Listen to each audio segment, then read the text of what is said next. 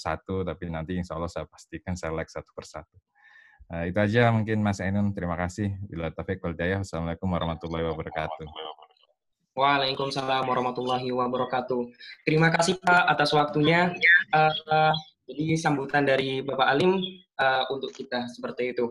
Dan di sini teman-teman semuanya uh, adalah acara yang sangat kita tunggu-tunggu, yaitu uh, pemateri dan uh, acara leader bincang leader yang kedua yang akan diisi oleh langsung oleh Bapak Rektor kita, Profesor Dr. Arif Satria, dengan tema menjadi pemimpin yang lincah, agile leader. Dan sebelum itu, saya ingin memperkenalkan terlebih dahulu pemateri kita pada siang pada pagi hari ini. Uh, beliau dengan atas nama Profesor Dr. Arif Satria lahir di Pekalongan 17 September 1971 Beliau merupakan salah satu lulusan Fakultas Pertanian, Fakultas Departemen Sosial Ekonomi Pertanian IPB pada tahun 1995 dan melanjutkan ke jenjang S2 di program Studi Sosiologi Pedesaan IPB dan yang ketiga serta menyelesaikan program doktor di bidang Marine Policy di di Kagoshima University Jepang. Dan di dalam kehidupan di dalam dunia uh, keaktivisannya, Beliau pada tahun 2017 hingga sekarang menjabat sebagai rektor IPB University dan sebelumnya beliau dua periode pada tahun 2009 sampai 2017 sebagai dekan Fakultas Ekologi Manusia IPB University dan ada beberapa instansi-instansi yang yang beliau jabat. Salah satunya penasehat mat, penasehat Menteri Kelautan dan Perikanan sejak tahun 1000 sejak tahun 2012 Ketua Umum Himpunan Sarjana Pertanian Indonesia 2010 sampai 2014, anggota Dewan Kelautan Indonesia dari tahun 2013 sampai 2017 dan anggota Komisi Tuna Indonesia dan mohon maaf anggota Komisi Tuna pada tahun 2012 sampai 2014.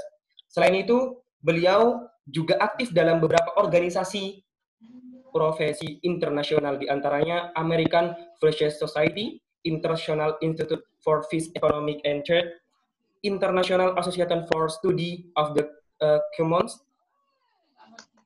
Japan Regional First and Society, dan yang terakhir di Japan International First and Research Society. Dan ada beberapa penghargaan yang beliau raih.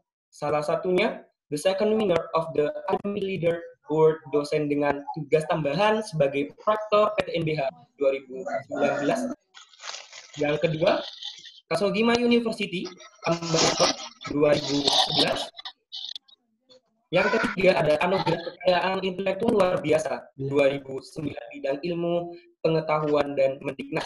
Yang keempat, the first winner of the years Yam Yamamoto first for the best this paper and International Institute for the Economic and Chart Conference Juli 2008 dan yang terakhir penghargaan akademik akademisi peduli penyuluhan dan sumber daya perikanan Kementerian Kelautan dan Perikanan 2013. Jadi uh, itu salah satu uh, profil singkat dari Dr. Arif, Profesor Dr. Arif Satria yang sangat luar biasa. Semoga beliau nanti bisa menginspirasi kita agar kita di sini dapat menjadi sosok pemimpin yang lincah karena hari ini materi yang sangat sangat ditunggu-tunggu dengan keadaan yang tidak uh, istilahnya tidak menyulitkan kita untuk tetap uh, bisa berkontribusi banyak bagi uh, sesama, bagi IPB University maupun bagi Indonesia. Dan setelah ini saya harapkan nah dari teman-teman peserta harap bisa memenuhi dan uh, mematuhi aturan yang ada dan uh, untuk lebih dalam mengenai materi-materi yang bakal disampaikan, saya langsung serahkan kepada Dr. Arif, Profesor Dr. Arif Satria untuk bisa mengisi. Silakan Bapak. Bismillahirrahmanirrahim. Assalamualaikum warahmatullahi wabarakatuh. Waalaikumsalam. Apakah suara jelas? Jelas, Pak. baik. Baik, terima kasih uh, Mas Salim Dirmawa dan juga Mas Begin Mas Ainun, dan para calon-calon pemimpin masa depan yang luar biasa. Jadi ini hari Minggu, hari libur yang biasanya orang santai, kita pun masih terus beraktivitas dan topiknya sangat menarik. Saya tidak akan banyak bicara sebenarnya, saya lebih banyak kita dialog ya tentang leadership ini karena saya kira leadership itu lebih menarik kalau bicara bukan teori, tapi bicara tentang experience, pengalaman yang di mana ketika Anda bertanya, saya akan bisa menampilkan beberapa pengalaman-pengalaman menarik. Nah, jadi sekarang itu kita berada dalam sebuah era yang semua orang sudah tahu era VUCA. Dan era ini yang penuh dengan perubahan begitu cepat, dengan kompleksitas yang tinggi, serta ketidakpastian dan ambiguitas. Memang tidak ada jalan selain bagaimana kita ini harus cepat beradaptasi dengan perubahan ini. Dan eh, adaptasi dengan perubahan ini memang bukan saja soal kepintaran kita, kekuatan kita, tapi juga tentang kecepatan kita merespons. Ya. Jadi kecepatan kita merespon ini Maaf, apakah bisa di-mute? Tulis Dianada, Safia, siapa itu? Apakah host bisa mute semuanya dulu? Sebelum saya teruskan, apakah sudah bisa di-mute semuanya?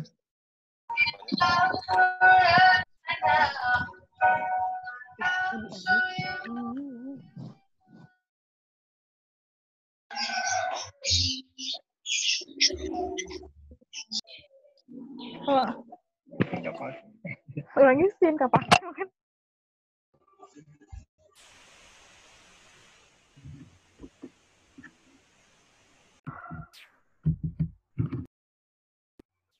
Oke, apakah sudah di semuanya, Mas Enon? Supaya tidak ada noise. Ya. Oke, baik. Selanjutnya lagi, jadi bahwa kita ini sekarang berada sebuah era yang kemudian eh, kecepatan menjadi suatu sesuatu yang sangat penting. Kita tidak bisa lagi menghitung tahun, menghitung bulan, bahkan beberapa keputusan harus diambil dalam waktu yang begitu cepat. Kita melockdown IPB ini keputusan satu hari, karena ada perkembangan yang begitu cepat, kita harus mengambil keputusan cepat. Begitu pula soal bagaimana keputusan-keputusan lain. Nah, ini era yang hanya orang yang cepat yang bisa menangkap peluang, yang akan bisa survive. Ya, ini antara uh, kepintaran, kekuatan dan kecepatan itu harus seimbang. Oleh karena itu dalam era 4.0 ini pola kepemimpinan agak berbeda dengan pola kepemimpinan uh, sebelum-sebelumnya. Nah, kalau kita lihat next, saya akan sedikit teori dulu. Ya. Uh, apa sih leader? Leader itu is one who knows the way, goes the way, and shows the way. Ini kata Maxwell ya. Jadi orang itu soal dikatakan pemimpin kalau dia tahu jalan yang akan dituju seperti apa, kemudian juga dia bisa melewati jalan itu, bisa menggunakan jalan itu, dan yang lebih penting lagi adalah bagaimana dia bisa menunjukkan jalan itu pada orang lain. Karena kita sebagai leader, maka kita ada goals, ya, ada goals, kita mampu mengetahui goalsnya, kita mampu meraih goalsnya, dan kita mampu menunjukkan pada orang lain goals-nya sehingga engagement menjadi penting. Nah, ini adalah membuat kriteria leader dengan tiga definisi ini, tiga item ini, knows the way, goes the way, and shows the way. Maka leader itu mau tidak mau harus tahu konteks, ya, tahu konteks masalah, tahu problem mikro maupun makro, tahu problem internal, tahu problem eksternal. Jadi kemampuan kita menangkap sinyal-sinyal perubahan itu sesuatu yang menjadi sangat penting. Dalam dunia bisnis itu lebih parah lagi. Begitu kita gagal mendapatkan sinyal perubahan, menangkap sinyal perubahan, itu sudah ukurannya hidup mati. Seperti yang dialami oleh perusahaan-perusahaan besar yang kita sudah tahu semua. Semua karena gagal, bukan karena tidak punya modal, bukan karena tidak pinter, tapi karena kurang peka, kurang sensitif, dan kurang responsif terhadap sinyal-sinyal. Oleh karena itu, knows the way, menurut saya, ini adalah kemampuan kita menangkap sinyal. Kemampuan kita menangkap sinyal perubahan itu menjadi sesuatu yang sangat penting sekali. Jadi, apa yang akan terjadi pada waktu tahun 2017, saya menyampaikan IPB harus belajar dari UT, universitas terbuka. Ini para dosen heran semua. Ini rektor baru ini maksudnya apa ini? Baru jadi rektor ingin belajar dari UT. Gitu. Karena orang belum aware tentang 4.0. Orang belum aware tentang online course. Coba kalau waktu pada waktu saya tidak mengambil cepat langkah melatih 600 dosen untuk pelatihan online, maka yang terjadi adalah kita akan tergagap-gagap menghadapi era COVID di saat orang menghendaki pembelajaran online. Minimal separuh dosen IPB sudah training tentang online course. Itu kan sebuah kecepatan. Bagaimana kita melari cepat karena kita merespons meskipun pada awalnya orang juga bertanya-tanya, ini rektor ngapain belajar dari UT? Ya, mohon maaf, orang semua menganggap bahwa bahwa kita bukannya lebih hebat dan sebagainya. Saya bilang sekarang kehebatan bukan diukur dari masa lalu. Kehebatan diukur dari bagaimana kita ini beradaptasi terhadap masa depan. Ya. Dan UT salah satu perguruan tinggi yang memang cocok untuk masa depan. Ya, sehingga saya latih, kita latih 600 orang. Dan alhamdulillah ketika kita menghadapi bencana seperti ini, ketika kita dalam waktu dalam suasana pengambilan keputusan yang begitu cepat, akhirnya separuh dosen IPB sudah siap, ya, separuh dosen IPB sudah siap untuk melakukan hal itu. Nah inilah eh, kadang-kadang apa yang kita pikirkan, sinyal perubahan yang sinyal perubahan yang kita pikirkan adalah sebuah sinyal yang kadang-kadang orang lain tidak menangkap. Dan ini memerlukan kemampuan kita berkomunikasi. Ya. Pada waktu oleh karena itu ini credibility menjadi penting. Beberapa orang akhirnya, oh kita percaya, saya orang-orang pada percaya, saya punya punya apa pengetahuan, punya kredibilitas, kredibilitas, kredibilitas dasar untuk orang menjadi trust. Jadi kredibilitas itu dasar untuk trust. Orang kepada pemimpin itu soalnya soal satu saja, soal trust. Kalau begitu percaya, maka mereka akan ikut. Jadi bagi, sangat mudah bagi kita shows the way, menunjukkan pada orang lain, melibatkan orang lain dalam proses menuju goals kalau kita kredibel. Ya. Kredibel apa? Kredibel itu soal integrity, soal capacity, capability, ya, dan soal caring. Jadi credibility dibentuk oleh kompetensi kita, kapasitas kita, kemampuan kita. Kedua karena integritas kita, karakter kita. Ketiga karena kemampuan kita untuk berempati pada orang lain. Orang akan jadi kredibel. Dan kalau kita kredibel, itu relatif lebih mudah mengelolanya. Karena apa?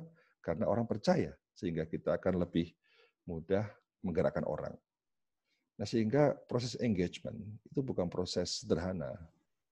Karena membutuhkan satu kemampuan kita menangkap sinyal perubahan untuk menuju sebuah titik. Dan kemudian kita meyakinkan orang lain bahwa titik itu penting harus kita tuju. Dan kemudian kita harus tunjukkan pada orang lain kemampuan kita untuk membawa orang lain pada titik itu. Nah, jadi itulah kira-kira gambaran singkat tentang leadership ya. Bahwa leadership bukan semata-mata eh, apa namanya dalam suasana seperti sekarang ini, jadi bukan sekedar kita menggerakkan orang, tapi bagaimana menuju titik yang tepat. Jangan sampai kita ini menuju titik yang keliru. Ini soal visi, ya, soal visi, soal pemahaman masa depan, soal kemampuan kita menerawang tentang eh, apa namanya sinyal-sinyal perubahan yang ada. Next. Nah, ini adalah eh, leadership masa depan, ya. Leadership masa depan itu ini leadership yang memberdayakan ya dan juga yang menginspirasi. Jadi kalau orang mengatakan good teacher is planning, great teacher inspiring. Dosen yang baik, dosen yang biasa saja is telling, hanya menyampaikan. Dosen yang baik, explaining, bisa menjelaskan. Dosen yang hebat, inspiring, menginspirasi. Nah, oleh karena itu, Pemimpin juga sama. Pemimpin tidak bisa hanya sekedar berkomunikasi, menyampaikan pesan-pesan, menyampaikan ajakan-ajakan, tapi yang paling penting adalah menginspirasi. Menginspirasi adalah menggugah orang lain untuk bertindak seperti apa yang kita lakukan. Menginspirasi adalah eh, apa namanya menggugah orang lain untuk berpikir tentang hal tentang masa depan. Oleh karena itu eh, kemampuan menginspirasi kita menjadi sangat penting sekali. Next. Nah, ini adalah sebuah gambaran tentang empat tipe intelligence dalam leadership 4.0. Mau tidak mau kita butuh physical intelligence. Fisik kita harus kuat, gizi kita harus bagus. Kedua, inspire. Kemampuan kita menginspirasi, menggerakkan orang. Kemampuan kita ini untuk meyakinkan orang. Kemudian emotional intelligence, kemampuan kita untuk berempati. Kemampuan kita untuk membangun good relationship dengan orang lain. Kemudian kemampuan kita untuk manajemen, termasuk manajemen pribadi dan juga manage orang. Dan yang terakhir adalah contextual leadership. Itu kemampuan kita untuk mengconnect the dots, ya. Kemampuan kita mengkonekkan, menghubungkan satu titik dengan titik yang lain. Satu titik dengan titik yang lain. Ini itu kemampuan seorang leader adalah kemampuan jejaring. Nah, bagaimana dia memanfaatkan jejaringnya? Bagaimana dia memanfaatkan titik-titik yang ada? Yang titik-titik itu kalau kita hubungkan akan menjadi modal buat kita untuk maju. Karena kita maju tidak bisa sendiri. Kita maju butuh bantuan orang lain, butuh kolaborasi dengan orang lain.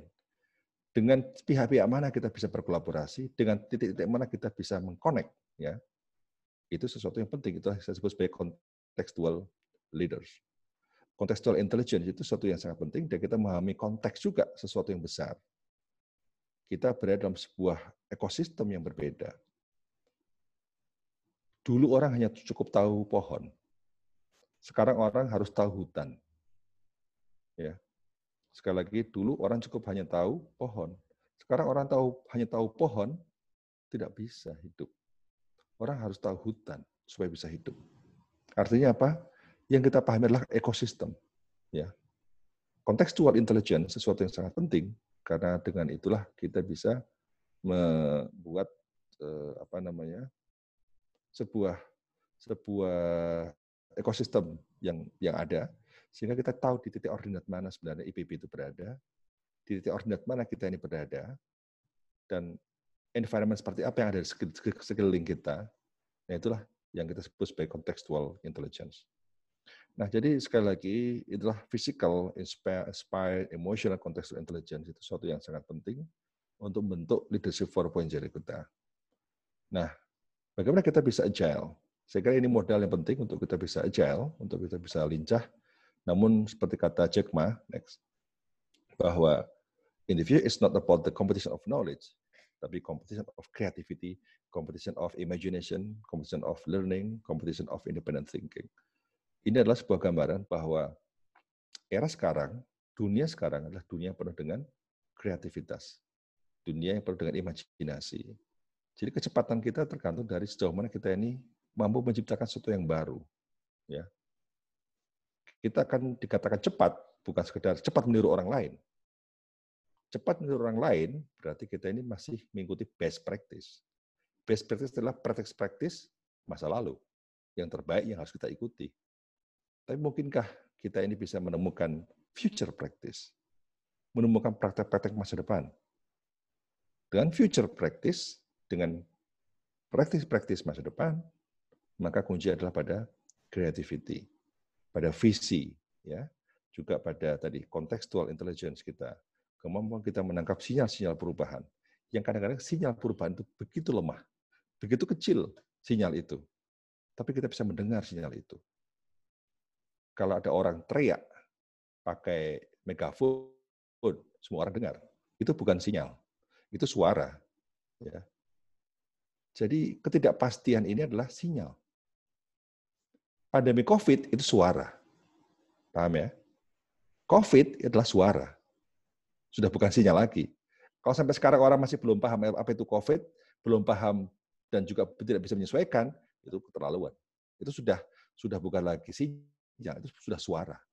Tapi kita mengatakan COVID sebagai sinyal, itu barangkali pada bulan Januari pada bulan Februari kita akan mengatakan COVID akan menjadi ini sinyal baru. Nah itu. Jadi antara sinyal dan suara harus kita bedakan. Orang umum hanya mendengar suara, tidak pernah mendengar sinyal. Tapi leader yang agile harus mampu mendengar sinyal. Sinyal-sinyal kecil yang suaranya terlirih, tapi kita menangkap ini sesuatu yang sangat penting dan eh, apa namanya harus diantisipasi dan harus direspon. Jadi saya kira itu pengantar dari saya. Terima kasih. Assalamualaikum warahmatullahi wabarakatuh.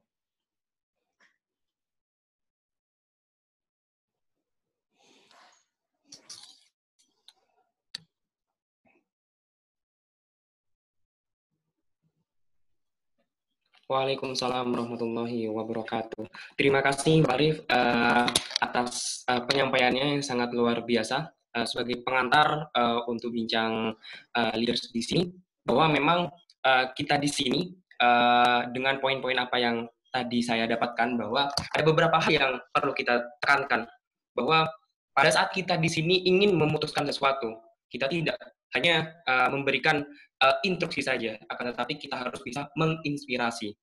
Dan yang kedua, yaitu bahwa pada saat uh, adanya sinyal COVID-19 di sini, harapannya semua uh, mahasiswa dan uh, baik dari pihak mana pun itu dapat uh, menyesuaikan keadaan, yaitu menjadi sosok pemimpin yang agile leader seperti itu.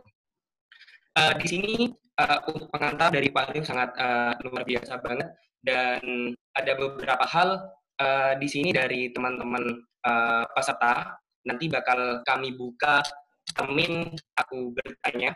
Uh, untuk para peserta yang nantinya bakal bertanya, akan saya berikan waktu uh, untuk bertanya sambil kita diskusi. Untuk termin yang pertama akan dibuka dua penanya seperti itu. Jadi langsung dibuka dengan mikrofon dan uh, videonya. Baik, terima kasih. Uh, untuk penanya pertama dari Faris uh, IPB ya. Aku bertanya, silakan uh, untuk Faris bisa dimulai. Uh, terima kasih ke Ainun. Assalamualaikum warahmatullahi wabarakatuh. Ya, izin bertanya Pak Arif. Uh, jadi Pak, uh, seperti yang Bapak terangkan tadi, bahwasanya sekarang kan kita berada di era VUCA yang di mana uh, semua perubahan itu sangat cepat dan kita tuh perlu adaptif untuk uh, menyesuaikan dengan era ini.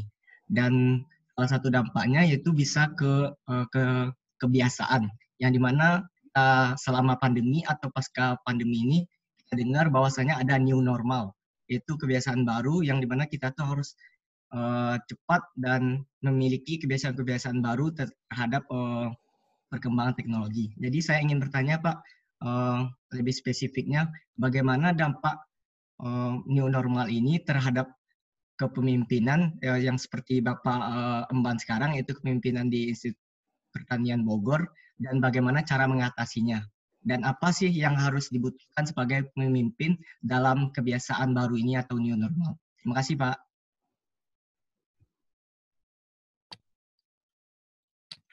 Uh, baik, terima kasih uh, Faris atas pertanyaannya. Jadi uh, ada beberapa hal yang mungkin nantinya bisa, uh, mungkin Bapak Arif ini kita tampung terlebih dahulu atau langsung mau dijawab Pak? Ditampung dulu aja. Oke, baik Pak. Uh, ada dulu pertanyaan dari Faris. Dan yang kedua di sini pertanyaan dari Erwan Rusian. Uh, silakan untuk Mas Erwan Rusian uh, di uh, waktunya silakan. Baik, Assalamualaikum warahmatullahi wabarakatuh. Salam. Uh, nama saya Erwan Rusdiawan. Uh, izin bertanya Pak, tadi Bapak kan menyampaikan tentang seorang pemimpin itu harus sigap untuk menangkap sinyal-sinyal. Nah, bagaimana sih cara seorang pemimpin itu untuk dalam respon sinyal-sinyal itu dengan tepat gitu Pak? Tidak keliru dengan sinyal tersebut. Terima kasih.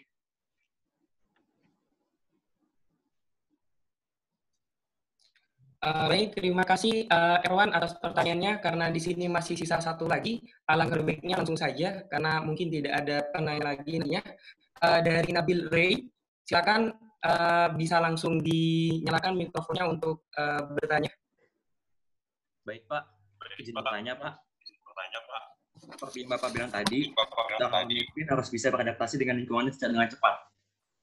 Yang ingin saya tanyakan adalah bagaimana kita bisa melatih seorang pemimpin supaya bisa cepat beradaptasi dengan lingkungan yang baru, Pak. Sekian, Pak. Oke, terima kasih Mas uh, Erwa, eh, Mas Nabil Ray atas pertanyaannya. Baik, uh, Bapak Rektor, jadi di sini ada tiga penanya uh, dari Mas Faris, yang pertama, dan yang kedua dari Mas Erwin Rusdian, yang ketiga dari Nabil Ray. Untuk yang pertanyaan pertama dari Mas uh, Faris di sini uh, menanyakan bagaimana cara kita di sini uh, untuk bisa beradaptasi secara penuh uh, dengan keadaan yang ada dan yang kedua di sini yang saya tangkap uh, menanyakan mengenai bagaimana cara kita itu merespon adanya sinyal-sinyal tentang COVID-19 di sini. Dan yang ketiga di sini uh, dari Mas uh, Ewan Rusdan yaitu uh, bagaimana cara kita di sini untuk uh, sebenarnya sama juga dengan pertanyaan pertama yaitu harus uh, beradaptasi dengan lingkungan dengan cepat. Bagaimana cara yang memang sangat solutif seperti itu untuk bisa menghadapi hal seperti itu. Baik, terima kasih Bapak Rektor bisa langsung dijawab. Hmm. Baik, terima kasih Mas Ainun. Jadi saya akan jawab sekaligus ketiganya. Pada saat Android keluar, pada awal tahun 2000, itu sebuah sinyal. Tapi bagi Nokia itu bukan sinyal. Itu semacam noise saja. Ya. Saya tidak membayangkan kalau Nokia pada awal tahun 2000 itu langsung merebut Android. Dia mengatakan bahwa itu kan produk dari mesin pencari. Nggak ada hubungannya dengan handphone. Kemudian iOS keluar. Nokia mengatakan bahwa itu kan pabrik laptop, bukan pabrik handphone. Nggak ada urusan dengan Nokia. Ini pabrik handphone kita ini, bukan pabrik laptop. Nah, jadi apalagi kemudian smartphone berkembang, penjualan dia 250 ribu. Sementara penjualan Nokia 400 juta. Jadi kalau orang milih yakin mana? 250 ribu atau 400 juta? 400 juta. Itulah kira-kira gambaran kegagalan Nokia menangkap sinyal perubahan. Karena dia pikir bahwa kita hebat, kita besar. Kita 600, kita 400 juta loh penjualan kita smartphone dengan Android baru 200 ribu. Tapi dia tidak bisa membayangkan apa yang akan terjadi pada tahun 2010-2015. Dia hanya membayangkan pada saat itu. Nah itulah saya katakan bahwa ada leader yang memang gagal menangkap sinyal atau keliru menangkap sinyal. Sinyal yang oleh oleh Apple ditangkap, oleh Samsung ditangkap, ya, dianggap sebagai sebuah hmm, apa sebuah sinyal mungkin bagi Nokia itu sebagai sebagai sebuah noise bukan bukan sebuah sinyal yang harus direspon itu kan suatu contoh orang gagal me, apa menemukan nah kemudian sinyal-sinyal itu kemudian membuat new normal juga kehidupan baru dengan adanya Android maka kemudian hidup berubah anda lahir tahun berapa? Tahun 99 atau tahun 2000? Hidup pada tahun 99-98 dengan hidup pada tahun 2020 itu kontras sekali, beda sekali, jauh sekali. Sangat jauh bedanya. Ya. Itu kurang lebih 20 tahun.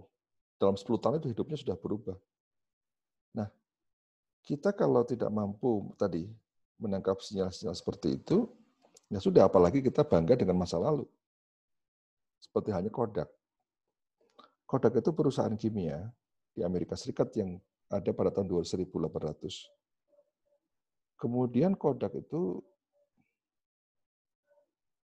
melakukan riset tentang digital kamera.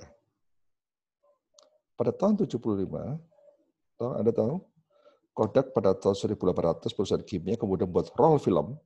Roll film tahu kan? Roll film ya? Film roll film. Anda mungkin nggak pernah lihat roll film kayak apa tapi dia roll film, film non bukan digital. Maka yang terjadi adalah pada tahun 75 itu Kodak adalah penemu pertama digital kamera. Jadi digital kamera itu yang pertama kali menemukan adalah Kodak. Namun CEO Kodak mengatakan bahwa, wah ini bukan core bisnis kita. Hidup kita ini adalah dari roll film core bisnis kita itu roll film, bukan digital kamera. kalau kita pindah ke digital kamera, apa yang terjadi dengan bisnis kita utama? Bisnis utama kita apa? Roll film. Pada tahun 85, Kodak memutuskan meninggalkan itu. Kemudian pada tahun 90-an, Anda tahu? Fuji sudah dengan mengembangkan 2000 lab untuk bisa membangun digital kamera yang canggih. Semua mengembangkan. Pada saat itu Kodak baru tahu. Ternyata masa depan ada di digital kamera. Bukan pada kamera-kamera berbasis pada roll film. Terlambat Kodak? Terlambat R&D lima tahun terlambat, 10 tahun terlambat oleh Fuji dan oleh perusahaan-perusahaan kamera lain, itu sudah membuat Kodak terlambat sekali. Mengejar dia. Dia buat digital kamera, tapi udah R&D udah jauh dibandingkan dengan lain-lain. Terlambat. Ya, jadi tadi sinyal perubahan itu tidak ditangkap oleh Kodak. Meskipun dia memiliki. Dia memiliki, tapi dia nggak tahu bahwa ini adalah adalah bekal untuk masa depan. Karena apa? Karena kuatnya orientasi masa lalu. Karena Kodak berpikir tentang masa lalu. Dan tidak, ber, tidak, tidak pernah berpikir bahwa masa lalu itu cocok untuk masa depan.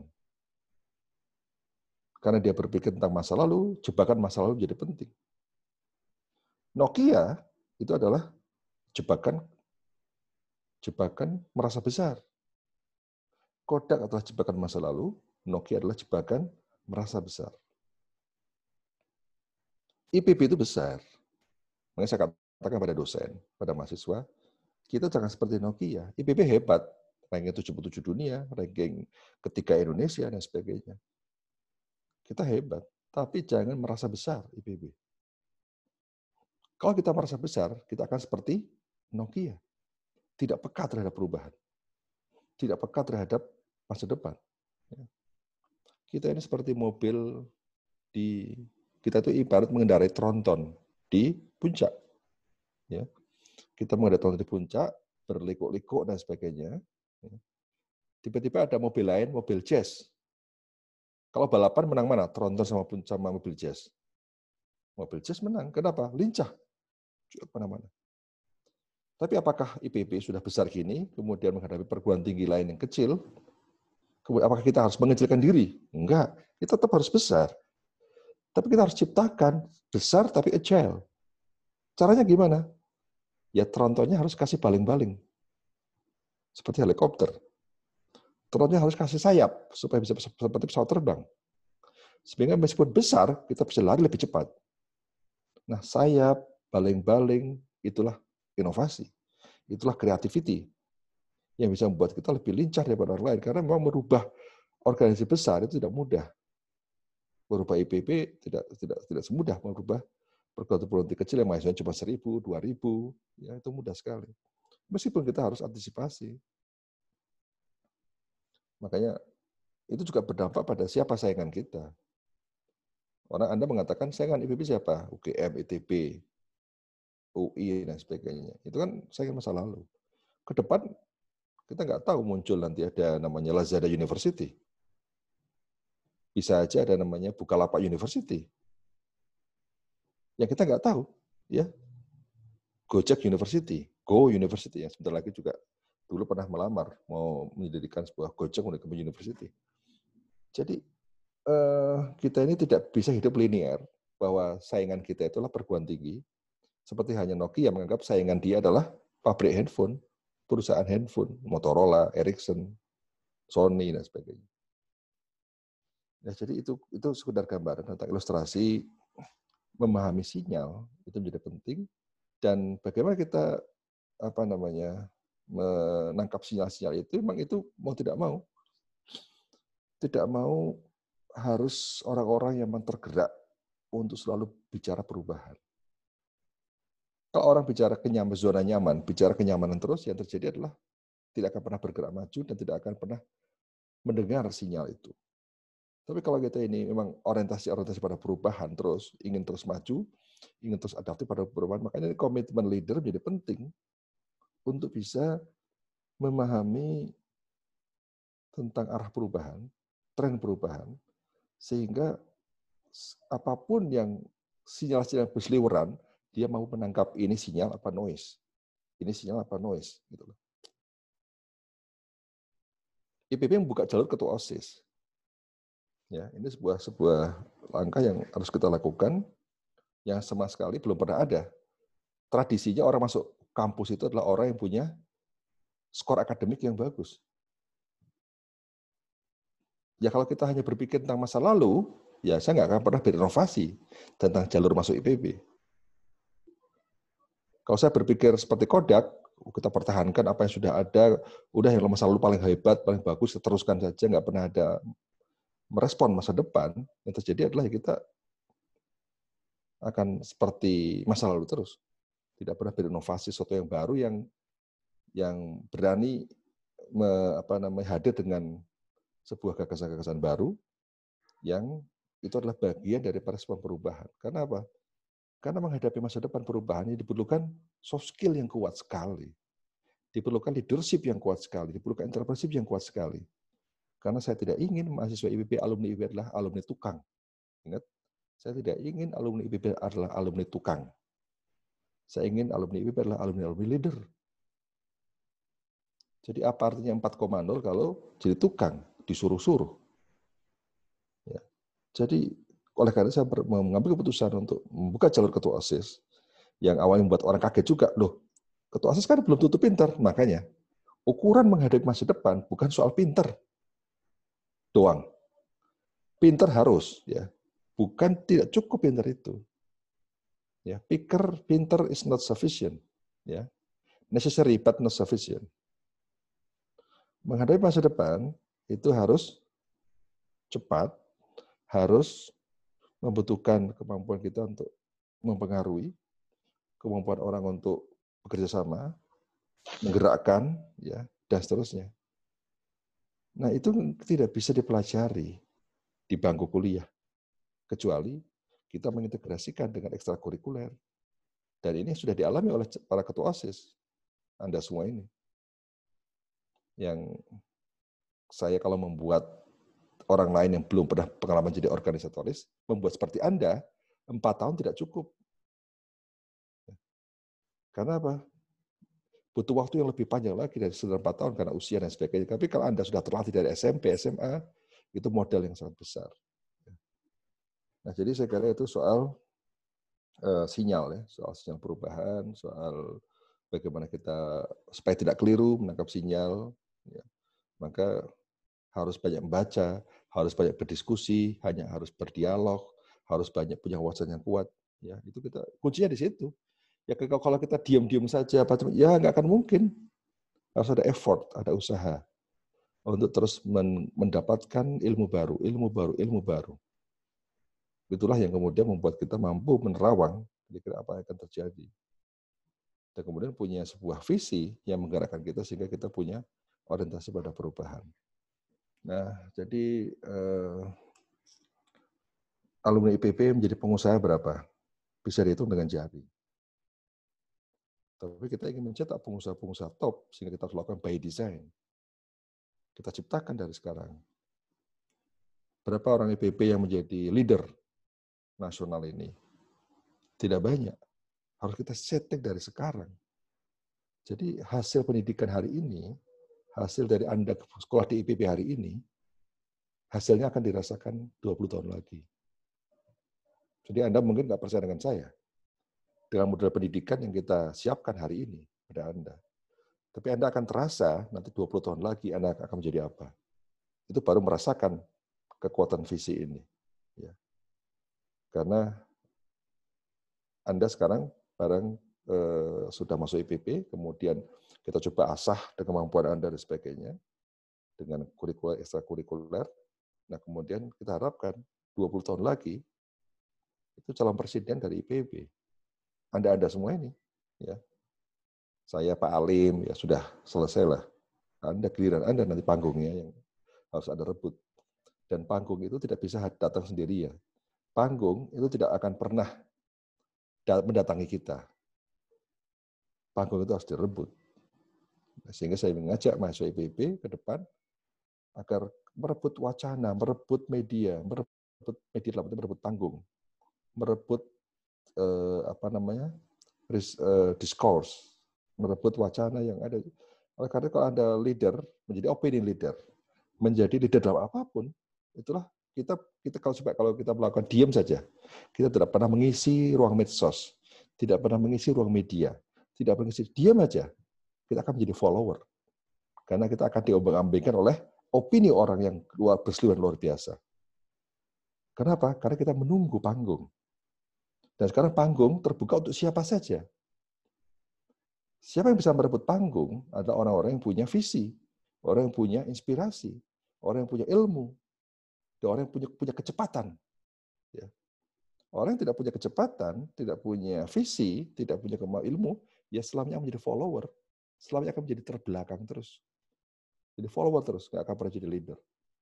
Oleh karena itu kalau Anda sekarang di era sekarang ini pandemi, oleh karena itu kita rebut. Dosen-dosen sekarang berteriak semua tentang tips menghadapi COVID. Wah, saya beropini di media, nulis tentang pikiran-pikiran tentang perubahan. Siapa lagi mahasiswa kita di Remawa Pak Ali mengadakan kreatif apa namanya eh, kreatif apa tuh home work from home itu loh ya ya kreatif challenge ya kemudian apalagi itu kan bagian dari merebut panggung.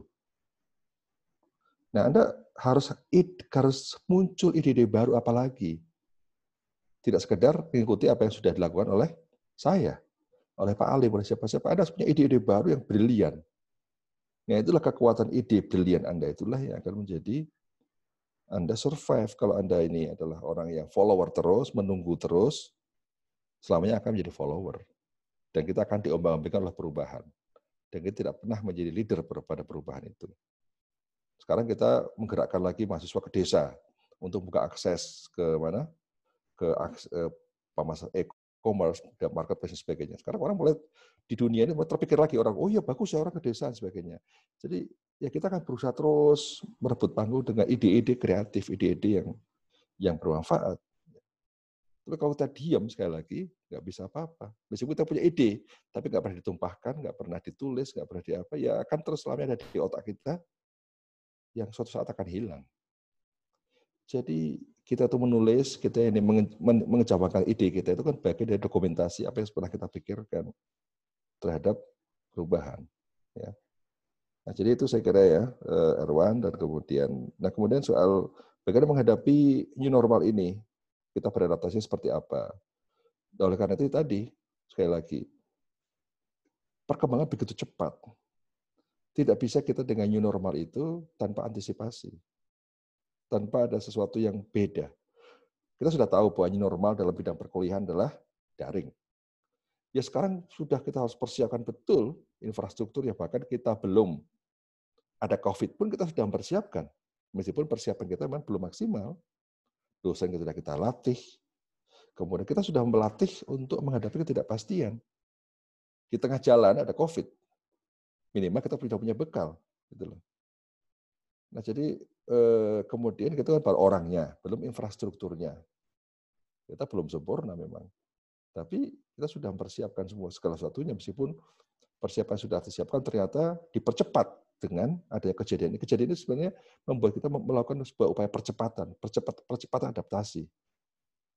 Jadi apa yang kita lakukan, saya sendiri termasuk bukan orang yang mampu menangkap sinyal COVID dengan baik, karena kami menangkap sampai pada bulan Januari, Indonesia masih agak aman-aman. Ya. Tidak pernah terbayang kita ini akan secepat ini. Karena memang rencananya IPB 2020 Agustus ke depan sebagian sudah blended learning ya. Baru mulai Agustus bukan mulai pada bulan Maret. Kita sudah mempersiapkan bulan Agustus ternyata kejadiannya bulan Maret. Persiapan belum sempurna ya, tapi itulah kita dituntut untuk melakukan kecepatan untuk adaptasi. Tapi alhamdulillah dosen-dosen sudah sekarang sudah bagus mulai mengajar dengan baik menguasai IT ya ada ada mahasiswa yang mengeluh ya biasalah dari seribu orang kan pasti ada lima enam orang yang mengeluh kan wajar. Eh, tapi secara umum survei di FEM 80% mahasiswa puas terhadap daring yang diajarkan di FEM. Setelah melakukan evaluasi terus bahwa mahasiswa komplain ini daring gini gini gini. Loh, Anda ya lihat komplainnya aja seolah komplainnya lebih, yang komplain lebih besar daripada yang puas kan gitu. Tapi nggak pernah disurvei berapa yang puas sih yang disurvei yang komplain aja. Ya, gitu loh. Tapi nggak apa-apa, itu bagi faktor koreksi buat kita. Tapi FEM sudah melakukan survei 80%. Itu mereka puas. Nah itulah, kita harus lakukan survei-survei lagi. Nah, artinya apa? Artinya apa? Effort kita selama ini mempersiapkan itu lumayan. Meskipun dipercepat pada bulan Maret untuk lebih ini lagi, lebih kuat lagi persiapannya. Nah, apa yang terjadi pada bulan September? Kita nggak tahu apa yang terjadi. Tapi kita harus mempersiapkan apa apa pun yang terjadi pada bulan September, bulan Desember, kita harus mempersiapkan semua. Itulah kita harus mampu melakukan plan A, plan B, plan C dan sebagainya, mengantisipasi segala sesuatu, menghitung, ya, sehingga kita melangkah pun berbasis pada data, berbasis pada pada bekal evidence, fakta yang kuat, dan tidak eh, apa namanya tidak nekat. Itulah bedanya berani dan nekat. Nekat itu nggak kalkulatif. Berani itu kalkulatif. Orang nekat, misalnya ada jarak 100 meter sebelum rel kereta api, kemudian kereta api akan lewat dalam waktu 30 detik lagi. Orang nekat, dia akan lari aja. Orang berani, dia akan ngitung. Jarak 100 meter, kalau salah ada kecepatan dengan kecepatan 15 meter per detik 15 apa namanya? Dengan kecepatan eh, tertentu, misalnya saya dengan kecepatan berapa supaya bisa melewati itu, itu namanya berani. Ya.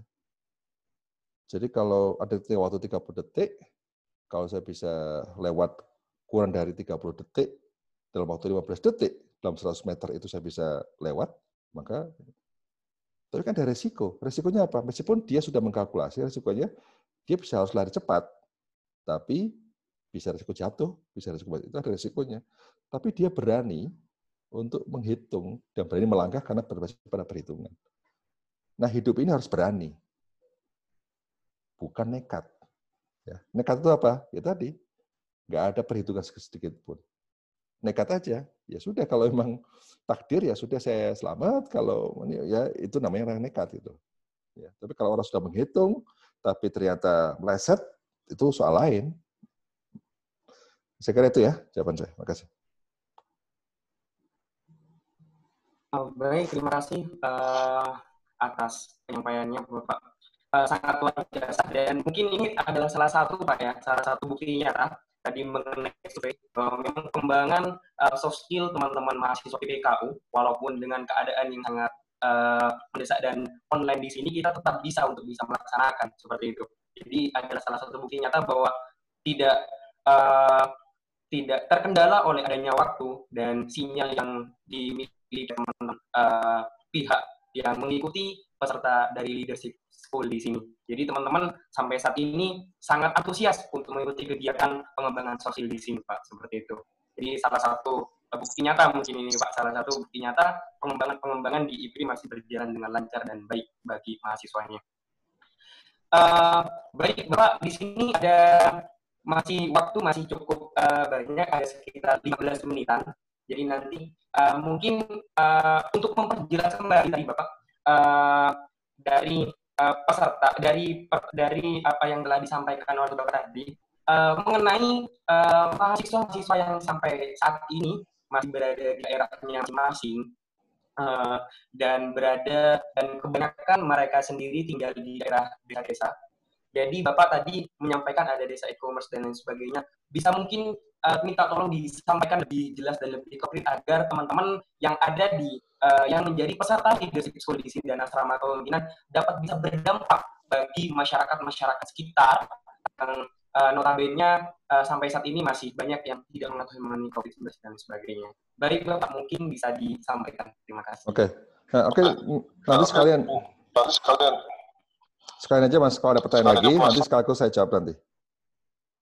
Oke Pak, baik Pak. Uh, dari teman-teman Mungkin ada lagi yang ingin bertanya dari teman-teman peserta, dari teman-teman asrama kepemimpinan. Baik, uh, Riki Kurniawan dari asrama kepemimpinan ya. Jadi dipersilakan untuk bertanya dan silakan jadikan um, dan uh, videonya. Bismillahirrahmanirrahim. Assalamualaikum warahmatullahi wabarakatuh. Ya, Sampurasun. Uh, izin bertanya. Uh, perkenalkan dulu nama saya Riki Kurniawan. Izin bertanya, Pak. Nah, tadi kan Bapak sudah menjelaskan ya bahwa seorang pemimpin itu harus bisa uh, menangkap sinyal dan mendengar suara dengan cepat gitu. Nah, ketika kita akan memulai suatu suatu uh, perubahan tersebut, suatu mendengar dan menangkap sinyal baru tersebut, uh, pasti akan ada tantangan. Nah, salah satunya itu ada keraguan dan ketakutan tersendiri dari dalam diri sendiri itu. Nah, bagaimana cara menghadapi berbagai tantangan itu? Yang salah satunya itu adalah keraguan dan ketakutan. Kemudian, ketika kita sudah mengambil peran atau mengambil panggung itu, eh, kita kalah saing dengan orang lain. Nah, bagaimana cara kita untuk bangkit kembali? Terima kasih, Pak. Uh, baik Pak, terima kasih baik uh, Mas Arif, uh, Mas Riki ya atas pertanyaannya. Dan mungkin di sini Pak ya, uh, yang terakhir nanti bisa langsung dijawab secara komplit. Uh, ini pertanyaan terakhir dari Mas Priagung Madi. Ya, silakan disampaikan uh, pertanyaannya dan ini merupakan pertanyaan terakhir dari peserta dan dari seluruh peserta. Baik, untuk Mas Priagung dibuka. Baik Pak, Bismillahirrahmanirrahim. Mas Ainul, setelah ini yang perempuan ya? Masa cowok semua yang tanya? Cowok semua yang tanya. Oh iya Pak, baik Pak. baik Pak, uh, jadi saya mau bertanya terkait dengan apa yang Bapak Arif tadi sampaikan di awal, bahwasanya uh, the future leadership yang sekarang adalah tidak hanya bertutur kata, tetapi juga yang penting adalah uh, menginspirasi. Nah gitu. Uh, terus pertanyaan saya, bagaimana sih Pak cara kita untuk bisa menginspirasi orang lain sebagai sebuah sebagai seorang pemimpin gitu. Terus yang kedua terkait dengan yang tadi Bapak jawab di pertanyaan sebelumnya, panggung tidak tidak pernah mendatangi kita. Kitalah yang harus uh, merebut panggung itu. Merebut panggung ini hanya bisa dilakukan oleh orang yang memiliki visi, memiliki ilmu dan punya agile gitu, Pak. Nah, bagaimana cara kita gitu, Pak, memunculkan visi, memunculkan ide-ide kreatif untuk menghadapi tantangan di era 4.0 ini, Pak. Begitu pertanyaan saya. Sekian. Terima kasih.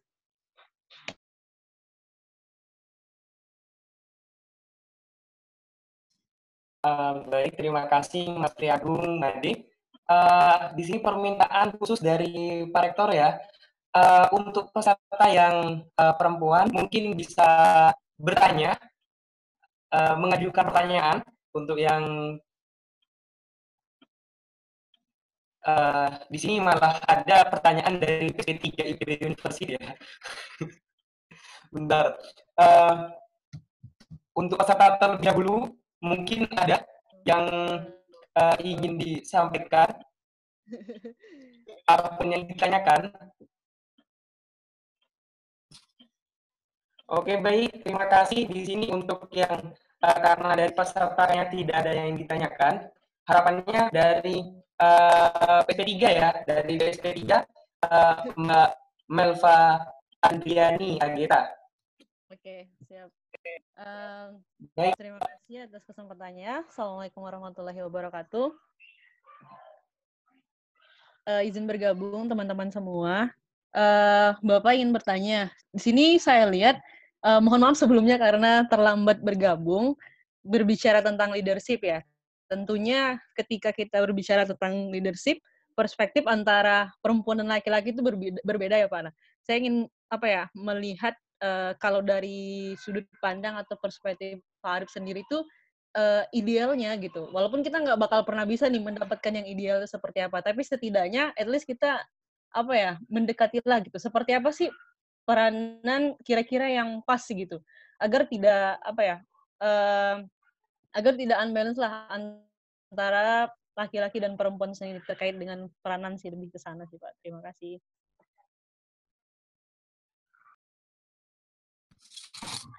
Uh, baik, terima kasih uh, Mbak Melva. Uh, terima kasih semuanya teman-teman. Jadi saya tutup ya fenomenanya baik dari peserta dan dari peserta umum dan khususnya. Di sini jadi rektor ada empat penanya, ada empat pertanyaan yang mungkin nanti bisa langsung dijawab uh, semuanya. Yang pertama di sini mengenai uh, bagaimana tantangan-tantangan di uh, kita di sini bisa menyesuaikan dengan keadaan yang ada yaitu yang berada di desa dan juga di sini. Bagaimana cara kita di sini untuk bisa menginspirasi bagi orang lain?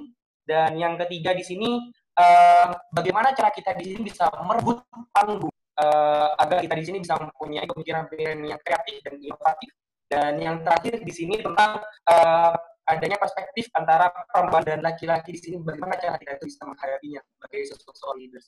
Baik, terima kasih Bapak. Langsung bisa dijawab. Baik, terima kasih. Jadi kita ini harus membeli lingkungan. Kita ini harus membeli habitat. Kita tidak bisa. Kita ini dalam kerangka proses belajar, menumbuhkan diri, kemudian hidup tanpa desain. Saya dulu hidup dengan desain bahwa saya ingin menjadi seseorang, maka saya masuk asrama, di mana asrama itu penuh dengan diskusi, kajian, macam-macam untuk mengasah intelektualitas. Di mana asrama itu banyak alumni-alumni top. Di mana asrama itu banyak memiliki jejaring. Ya. Selalu di asrama Felicia. Nah, itu kan saya datang dengan sengaja. By design. Bukan saya dijorokin orang masuk asrama. Bukan saya tiba-tiba masuk kos-kosan apa pun terserah. Ini harus kita lingkungan harus kita beli. Kalau kita tidak masuk dalam lingkungan yang baik, kita harus mampu menciptakan lingkungan yang baik. Jadi kita ini kalau berada di tukang parfum pasti wangi. Berada di tukang durian akan bau durian. Berada di dekat sampah ya pasti bau sampah. Ya. Oleh karena itu, carilah tukang-tukang parfum, carilah itu. Untuk apa? Agar kita ini benar-benar proses belajar. Kita belajar dari senior, dari kelas, dari dari teman-teman. Karena apa? Belajar bersama. Tidak mungkin kita sendirian. Nah, jadi apakah kita bisa menginspirasi, memahami tantangan, merebut panggung, macam-macam? Itu proses panjang, bukan proses yang tiba-tiba. Ya. Dan pada saatnya, pada saat itu, eh, saya juga apa namanya bukan orang yang selalu berhasil. Saya sering gagal. Saya tuh menjadi presidium senat mahasiswa sekarang presma ya. Itu dua kali baru menang. Ya. Itu saya semester 4 itu menjadi presma. Kalah. Semester 3 menjadi calon fakultas, senat fakultas, kalah. Ya. Kemudian semester 1 menjadi calon ketua BEM PPKU ya, PPB, kalah juga. Jadi apa ya, itu belajar dari kekalahan itu, itu kan contoh gagal kan. Contoh gagal bagaimana kita bangkit kembali dan sebagainya. Jadi saya kita harus belajar terbuka jujur pada diri sendiri. Ambisi itu boleh, tapi jangan terlalu, gitu loh. Misalnya, Kemudian kita apa pun juga kemampuan komunikasi menjadi faktor yang penting. Kalau Anda tahu, saya itu dulu tidak bisa bicara. Saya tidak bisa bicara lancar. Tapi saya beranikan diri masuk jurusan komunikasi. Meskipun saya tidak bisa bicara, bayangkan. Jadi Tuhan itu memberi jalan. Kalau kita punya effort lebih. Kalau kita nggak punya effort lebih, Tuhan akan beri jalan. Jadi orang juga kaget, loh, kamu nggak bisa ngomong, masuk jurusan komunikasi, kira-kira itu. Itu kan sesuatu yang yang di luar apa, nalar orang. Tapi justru karena itulah saya ingin belajar. Mungkin saya belajar lebih lama daripada orang lain. Nah, tapi dari situlah kemudian uh, belajar dari kegagalan, belajar dari apa namanya, ya tadi jujur pada diri sendiri, kemudian terus Eh, mengupgrade diri. Pada akhirnya kita bisa bangkit. Nah, yang bisa membuat kita bangkit apa? Yang bisa kita bangkit bukan semata diri kita. Kita harus mampu menciptakan ekosistem yang kondusif buat kita bangkit. Jadi semua berpulang pada kita. Kita tahu kita gagal, ya, ingin bangkit. Kalau kita datang pada orang, pada lingkungan, di mana kita disyukur-syukurin, nah rasain lo gagal. Nah makanya aku bilang apa? Nah rasain lo, rasain lo, rasain lo. Makin terjadi adalah kita semakin putus asa. Tapi kalau kita datang pada orang yang mengencourage kita, oh nggak apa-apa itu biasa gagal itu dalam bisnis gagal biasa dalam apa gagal biasa. Ayo kita bangkit lagi. Kamu belajar lagi. Kamu kurangnya ini lah. Semangat lagi. Jadi semua itu adalah tergantung dari bagaimana kita mampu menciptakan sebuah lingkungan untuk bisa bangkit. Tanpa kita mampu itu kita akan akan berat. Ya. Nah kemudian begitu juga sama. Bagaimana kemampuan kita menginspirasi itu gak proses panjang harus banyak baca buku, harus banyak diskusi. Nah, saya beruntung karena dulu saya adalah ketua HMI, ya.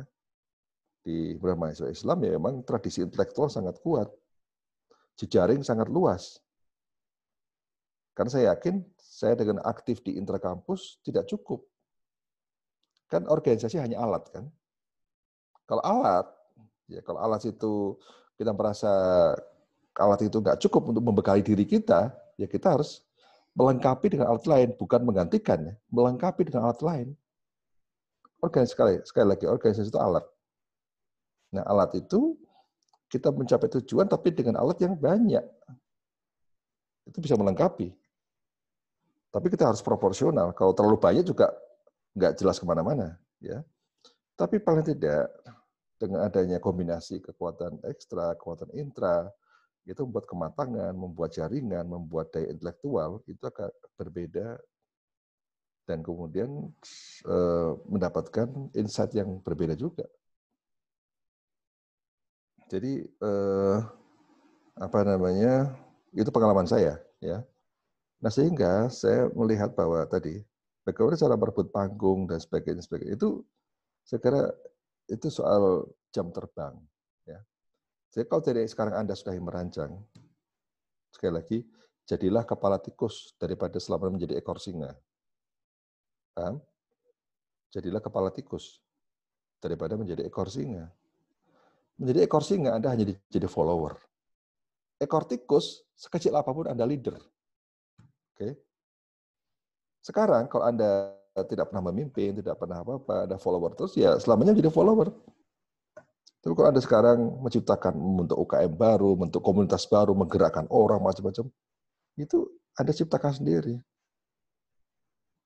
Anda menjadi kepala tikus. Nah, kepala tikus itu lincah, kecil, telincah, dan sebagainya. Itu kesempatan Anda untuk mengupgrade diri sendiri.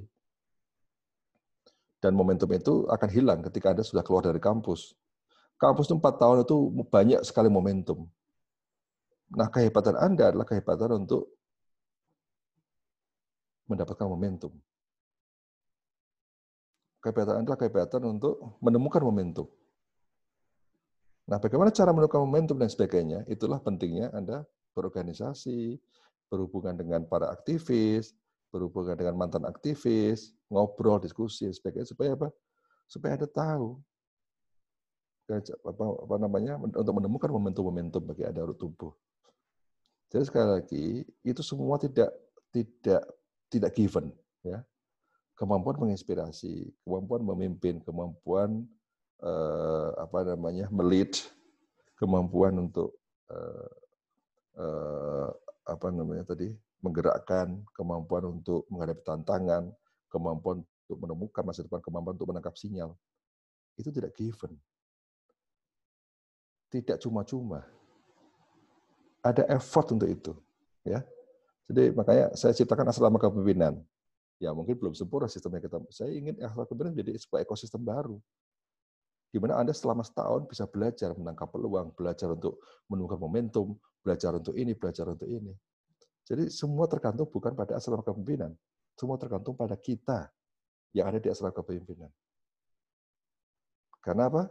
Karena tentu personal motivation, setiap orang beda-beda. Tapi kalau kita punya motivasi kuat pengembangan diri untuk pengembangan dan untuk punya misi besar menjadi khairunas, ya, khairunas anfahum linnas, mencari menjadi manusia bermanfaat buat orang lain, kita punya motivasi yang besar, saya yakin itu adalah sebuah apa namanya nilai yang tertanam pada diri kita yang membuat kita tuh bergerak.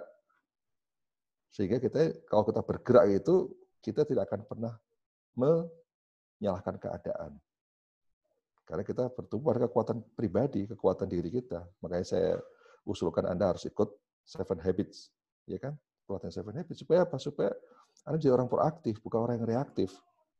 Sedikit-sedikit menyalahkan orang lain, sedikit menyalahkan lingkungan, sedikit menyalahkan keadaan, sedikit menyalahkan itu. Masa asrama pimpinan, wah asramanya gini pak, jelek, gini, gini, gini. Jadi orang yang proaktif nggak akan pernah mengeluhkan keadaan, tidak akan mempermasalahkan keadaan. Ya, dia akan proaktif menciptakan sesuatu, memberikan usulan, melakukan usaha-usaha, bagian dari proses pembelajaran. Jadi itulah orang proaktif itu orang yang selalu bersyukur. Kenapa? Diberi kendaraan, diberi mobil. Terima kasih oh ternyata mobilnya kok warnanya ini, mobilnya kok larinya nggak cepat macam-macam. Ya itulah dia akan perbaiki akan macam-macam. Tapi kalau orang reaktif dikasih mobil begitu mobil itu, ya ampun dikasih mobil kok mobil bobrok, nggak bisa jalan, nggak bisa ini ngeluh aja. Itu orang reaktif, menyalahkan orang lain yang ngasih. Tapi kalau orang proaktif, wah ini bersyukur ada orang yang mau ngasih modal, Ya kan bisa juga mobil itu kemudian dijual lagi beli yang baru atau apa. Orang, orang proaktif akan selalu memanfaatkan momentum bersyukur. Daripada orang masuk asrama kepemimpinan ngeluh aja. Wah ini gimana nih? Padahal kamar sudah cuma sedikit, ada kamar mandi dalam. Wah ini nggak jelas kami. Wah ini, wadah. ya itu ciri orang reaktif. Ya, selalu menyalahkan keadaan. Seolah-olah keadaan itu yang membuat kita ini akan maju dan mundur. Padahal yang membuat maju mundur kita, bukan keadaan, bukan orang lain. Jadi maka makanya saya selalu pesan, makanya pelatihan Seven Habits, Stephen Covey menjadi saya eh, apa namanya saya saya di kampus di PKU karena untuk melatih itu ada proaktif. Saya terserang saya bisa bisa menjadi begini karena salah satunya dari buku itu. Salah satunya ya, yang jadi kan akumulasi dari buku itu, kemudian saya membangun jejaring di organisasi lain, kemudian bisa membangun eh, apa namanya pertemanan dengan berbagai lintas kampus. Jadi pergaulan luas. Jadi sekali lagi silaturahmi harus bagus, pergaulan harus luas, jangan banyak cari musuh. Persahabatan dan pertemanan itu investasi. Ya. Berhubungan dengan dosen itu investasi. Berhubungan dengan siapa pun itu investasi. Jangan rusak investasi itu. Begitu Anda menganggap itu adalah hubungan jangka pendek, kemudian Anda rusak investasi itu, itu selamanya Anda akan terbawa. Kalau selamanya Anda orang menjadi reaktif, menjadi orang tadi tidak pernah mensyukuri sebuah investasi, persahabatan, silaturahmi dan sebagainya, ketika Anda lulus, akan terbawa. Makanya mahasiswa itu adalah kesempatan Anda untuk membangun karakter, eh, apa namanya, membangun karakter, membangun jiwa yang kuat, Anda bangun kebiasaan-kebiasaan yang bagus, membangun memperkuat nilai-nilai tadi, itu empat tahun menurut saya cukup. Dan setelah empat tahun, selesai. Anda mau berubah, sudah sulit. Bisa, bisa. Bukan, bukan nggak bisa. Anda masih bisa berubah. Tapi tidak secepat perubahan pada saat ini. Jadi kok ada sekarang semester ke berapa? Dua atau Anda semester keempat, ada semester keenam. Bagi Anda semester delapan, masih ada waktu untuk Anda masih di dunia kemahasiswaan. Kesempatan Anda masih untuk berbenah diri, memperkuat nilai, bukan bukan hanya nilai akademik, nilai pribadi, ya, nilai hidup, kemudian membangun karakter yang bagus, jangan kemudian merombak semuanya. Berjejaring adalah sebuah investasi, bersilaturahmi bersilaturahmi sebuah investasi. Saya sekarang apa ya, memanen hasil investasi jangka panjang ketika selesai mahasiswa. Ketika mahasiswa saya banyak bergaul, banyak diskusi, banyak seminar, banyak nulis, banyak macam-macam. Sehingga kenal semua banyak orang.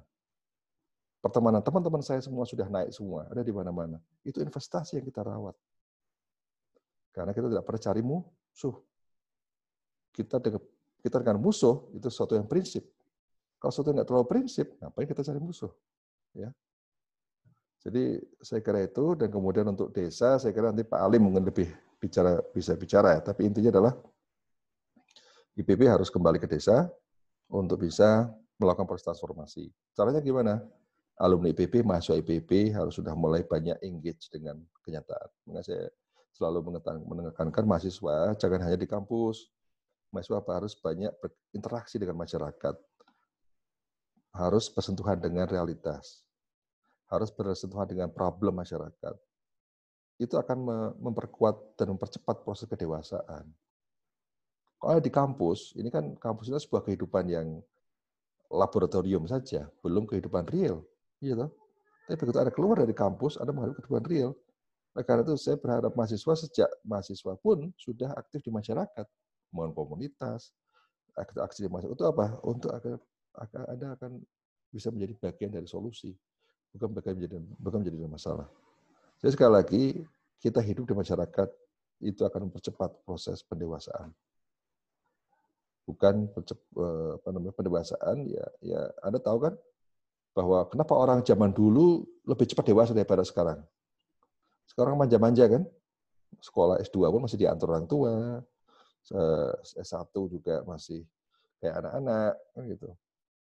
Dulu Soekarno sudah umur 20 tahun sudah memimpin pergerakan dunia dan sebagainya. Kenapa itu bisa terjadi? Karena itu sudah berinteraksi dengan realitas dengan kehidupan yang begitu keras. Sehingga terlatih untuk mempercepat proses dewasa. Jadi kecepatan bangun institusi anda sekarang bermain game. Dulu saya masih kecil bermain kelereng. Kelereng apa? Itu adalah bagian dari menciptakan institusi, menciptakan aturan main. Anak kecil kan bisa menciptakan aturan main sendiri kan? Ini boleh, ini nggak boleh. Ya, ini mainan apa? Mainan jengklek, mainan apa pun. Anak kecil selalu punya aturan main sendiri. Tapi sekarang mahasiswa dia mahasiswa sekarang berasal dari anak-anak yang pada saat masa kecilnya tidak pernah membuat aturan main tidak pernah buat aturan main, tidak pernah mel, apa namanya enforce aturan itu, mengontrol aturan itu. Sebagai contoh layang-layang. Ya. Kita main layang-layang, coba bayangkan. Aturan di kampung saya adalah yang buat anak kita semua, anak-anaknya. Kalau itu adalah putus sendiri tanpa ada sangkutan dengan yang lain, maka itu masih hak yang punya. Tapi kalau itu hasil sangkutan, hasil adu layang-layang, kalah, putus, itu hak publik. Begitu yang jatuh, maka akan direbut oleh banyak orang. Tapi sekali yang punya bilang, eh, itu putus sendiri, itu hak saya. Maka semua orang diam semua. Tapi sekali dia bohong, maka selamanya akan dianggap bohong. Padahal dia itu sangkutan, tapi ternyata mengaku putus sendiri, maka dia akan dianggap bohong, tidak akan pernah dipercaya selamanya. Sanksi sanksi sosial tinggi sekali. Nah, jadi itu dari kecil tuh orang sudah latihan integritas, latihan mengontrol institusi, mengatur aturan main, latihan untuk me, apa namanya memperkuat eh, apa namanya aturan main yang dibuat sendiri. Itu itu kedewasaan. Cepat cepat kedewasaan. Nah, karena itu eh, calon pemimpin juga harus cepat dewasa juga. Jangan selalu mengawang-awang terus, ada harus banyak berinteraksi dengan masyarakat, berinteraksi dengan kehidupan, dan sebagainya, supaya berempati, kemudian Anda bisa menciptakan solusi-solusi yang lain. Jadi saya kira itu dari saya. Cukup ya, Enon ya? Ah, cukup Pak, okay. sangat luar biasa. Baik, oke. Okay. Baik, terima kasih semuanya ya. Silakan. Moga-moga semua sukses jadi calon-calon pemimpin. Assalamualaikum warahmatullahi wabarakatuh. Waalaikumsalam warahmatullahi wabarakatuh. Nah, setelah ini nanti bakal ada isi bersama sebelum itu kita lagi untuk menyimpulkan apa yang telah disampaikan oleh Bapak Rektor kita sangat luar biasa, sangat menginspirasi dan sangat menjadi masukan yang kita yang saat ini sisinya masih berada di rumah masing-masing seperti itu. Uh, kita dapat petik bahwa memang seorang pemimpin harus mempunyai pemikiran yang kritis, ya bisa dikatakan critical thinking itu sangat penting, peduli terhadap lingkungan dan bisa berdampak bagi sesama. Dan kita ketahui bahwa belajar dari kegagalan itu adalah yang paling utama dan yang menentukan jalan hidup kita. Dan yang paling terakhir bahwa memang jangan kita di sini menunggu panggung akan tetapi kita ya kitalah yang harus menyebut panggung. Dan yang terakhir, pesan yang terakhir, jadilah kepala tikus daripada seekor uh, daripada ekor singa. Jadi mungkin itu dari saya sebagai moderator dan terima kasih kepada Bapak Arif Satria kepada Bapak Alim Sialan dan kepada Pak Bidinir Subhan dan seluruh peserta yang hadir pada acara kita pada siang hari ini. Untuk setelah ini, bakal ada sesi foto bersama uh, yang akan dipandu langsung oleh panitia. Silakan uh, untuk panitia bisa langsung dipandu untuk sesi foto bersamanya.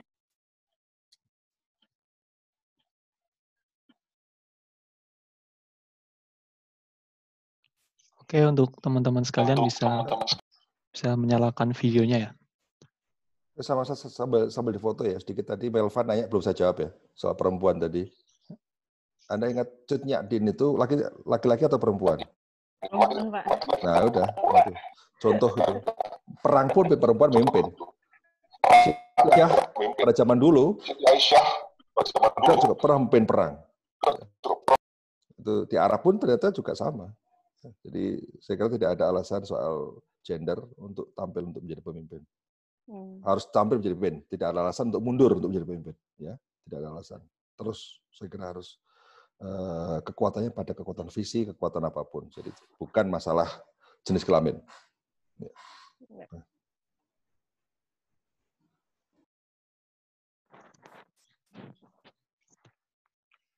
Oke, okay, mulai. Uh, baik, terima, ya, Pak. Baik, terima kasih. Yang mungkin tadi yang benar memang dari uh, Melva ya uh, sampai lupa tadi semakin uh, semakin banyaknya pertanyaan dan cukup luar biasa dari yang disampaikan seperti itu. Baik, mungkin sini yang paling terakhir Bapak ya, mungkin dari teman-teman sudah uh, bisa menerima apa yang telah dijawab oleh Bapak Ekor. Uh, untuk Pak Ekor cukup Pak ya untuk uh, sesi penyampaiannya. Oke, baik Pak. Uh, jadi langsung uh, Saudara Fadil uh, sebagai uh, penanggung jawab dari uh, sebagai penanggung jawab langsung di uh, ini kan uh, langsung dimulai untuk sesi foto bersamanya.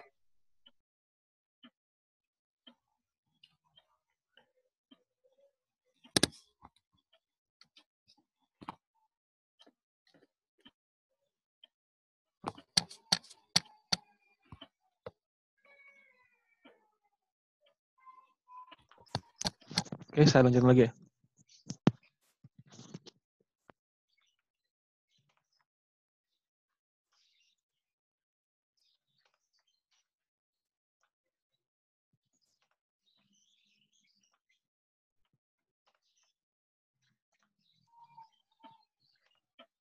Baik, Fadil, bagaimana?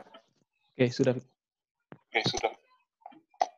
Oke, baik. Terima kasih atas uh, bantuannya untuk panitia yang telah bisa mendokumentasi kegiatan kita pada siang hari ini. Uh, sekali lagi saya ucapkan terima kasih sebanyak mungkin kepada dokter kepada uh, Profesor Dr. Arif Satria. Mohon maaf uh, apabila dari kami dari panitia dan uh, ada beberapa sedikit kesalahan dan kekurangan kami sangat memohon maaf yang sebesar-besarnya.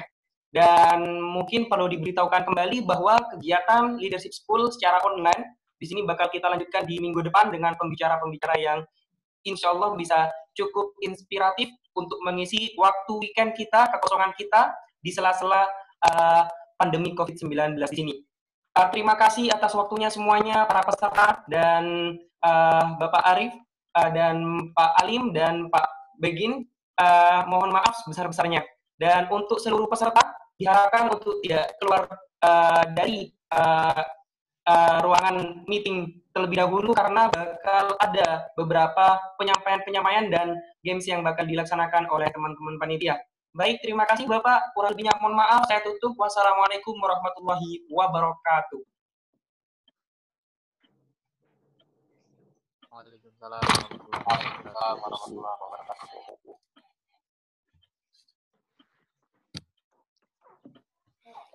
Uh, mohon bersabar terlebih dahulu teman-teman peserta ya.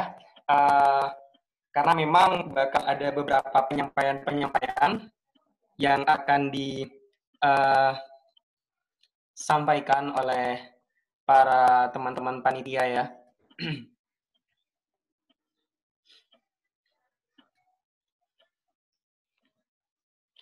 uh, Oke, okay, baik teman-teman. Jadi di sini ada beberapa penyampaian uh, terkait dengan penugasan.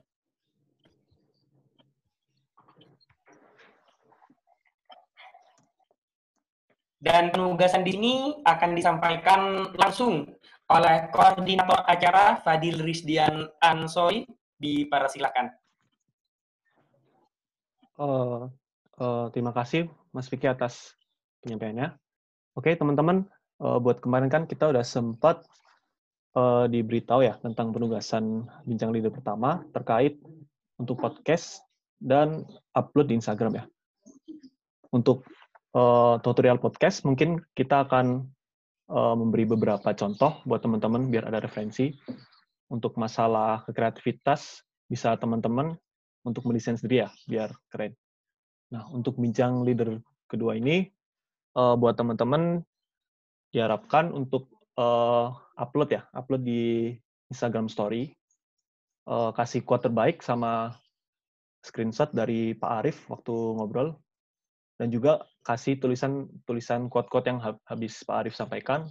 Terus jangan lupa tag uh, seperti biasa serama uh, kepemimpinan, terus leadership school, dan juga tag sama Pak Arif ya. Jadi begitu. Untuk lebih lengkapnya mungkin nanti disebar di grup peserta. Oke, sekian dari saya. Terima kasih. Wassalamualaikum warahmatullahi wabarakatuh. Waalaikumsalam warahmatullahi wabarakatuh. Terima kasih Fadil atas waktunya. Jadi seperti itu teman-teman peserta, harap bisa memaklumi dan jangan lupa teman-teman peserta tetap jaga kesehatan, tetap bisa beraktivitas secara uh, produktif di rumahnya masing-masing. Jangan sampai teman-teman di sini sampai jangan sampai sakit, jangan sampai kenapa-kenapa pokoknya. Jadi dari saya sebagai ketua pelaksana, harapannya teman-teman tetap antusias. Minggu depan akan ada penyampaian yang pemateri yang tak kalah kerennya seperti itu ya.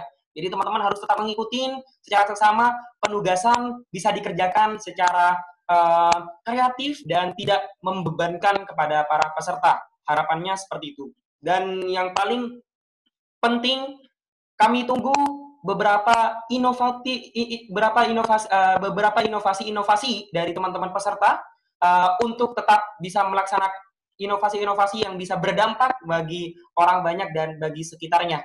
Oke, baik. Terima kasih. Saya selaku pembawa acara uh, dan moderator di sini ingin mengucapkan terima kasih sebesar-besarnya dan mohon maaf apabila ada kekurangan dan kesalahan. Kalau lebihnya mohon maaf. Wassalamualaikum warahmatullahi wabarakatuh. Waalaikumsalam warahmatullahi wabarakatuh. Terima kasih semuanya. Terima kasih Kak. Terima kasih Kak. Terima kasih semangat terus. Terima kasih Kak sama-sama.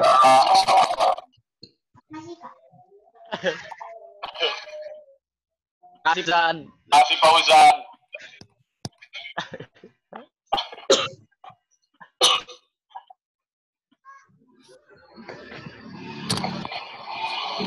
Terima kasih ya semuanya, terima kasih. Silakan nggak apa-apa kalau udah mau out atau ada yang mau ditanyakan, silakan ditanyakan. Baik.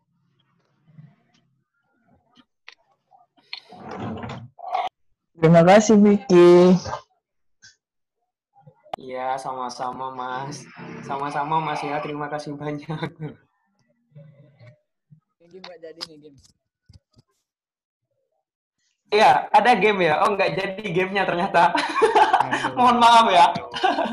Mohon maaf. Nanti bakal ada sesi selanjutnya. Oke. Okay.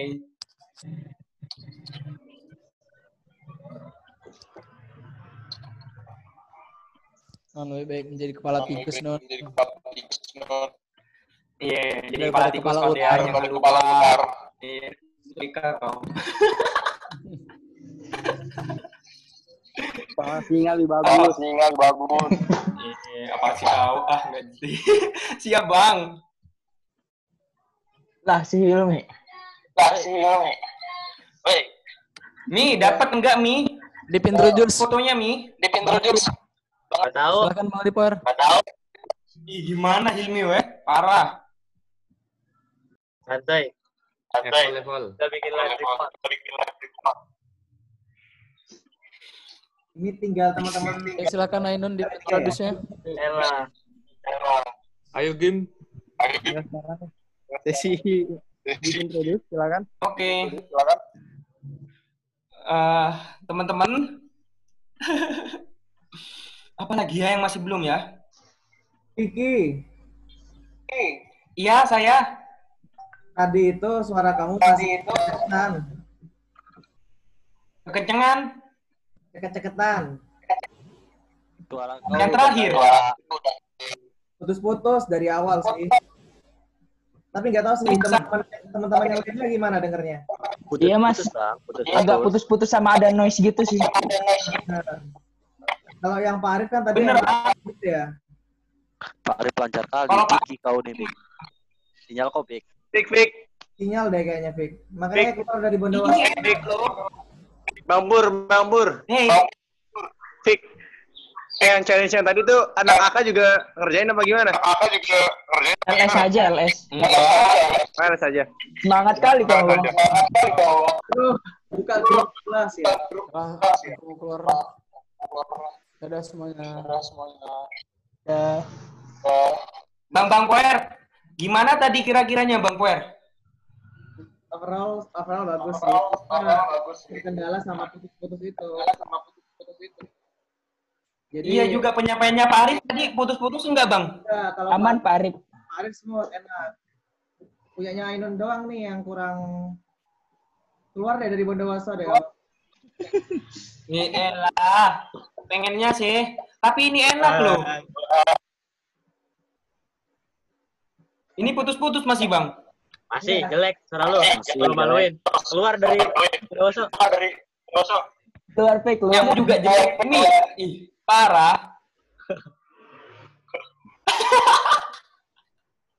Ayo balik sini. Ya, Aduh. Balik asrama aja, Pik. Balik asrama. Pik. Temenin Mas Pur, Pik. Temenin Mas Pur, Pik. Gua udah ditemenin sama Serius aku udah beli paketan yang mahal loh. Gua ditemenin Aku di rumah di toko nggak enak. Mas Pur jaketnya keren Pakai podcast di Mawa biar rapi. Sombong. Eh yang mau teman-teman Aka yang mau masuk podcast ya. Keren Jadi dari ada podcastnya.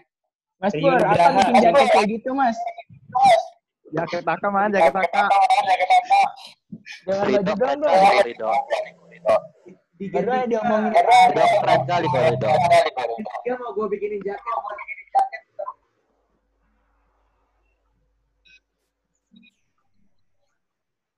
Ada di Mas Bayu ya? Ada di Mas Bayu ya? Ada. Jareja, fotomu kok gitu aja, Ja? Iya, namanya juga foto. Reza emang salah satu kawan. Oh iya. Pak Begin, ya. ada, ada Pak Begin nggak di sini? Pak Begin? Ada ada. Ada ya? Gak ada, gak ada. Gak ada. Kurang aja. Ini Bang Fer, itu kok ini bisa- orang tidur semua, deh. Kenapa? Iya bang, itu tadi kok nggak bisa difoto bareng semua gitu ya? Kok cuma dikit-dikit ya? Bisa, Vicky. Maksudnya em- emang satu primitif dulu. Nanti di di aja. Gimana ya? Bang Pol tadi moto nggak bang? Lah kan tadi si Fadil moto. Udah, aku udah moto kok, udah dapat semua, dapat semua. Aku cuma nge-record doang sih. Aku juga udah nge-record. Oke, ntar bisa di, di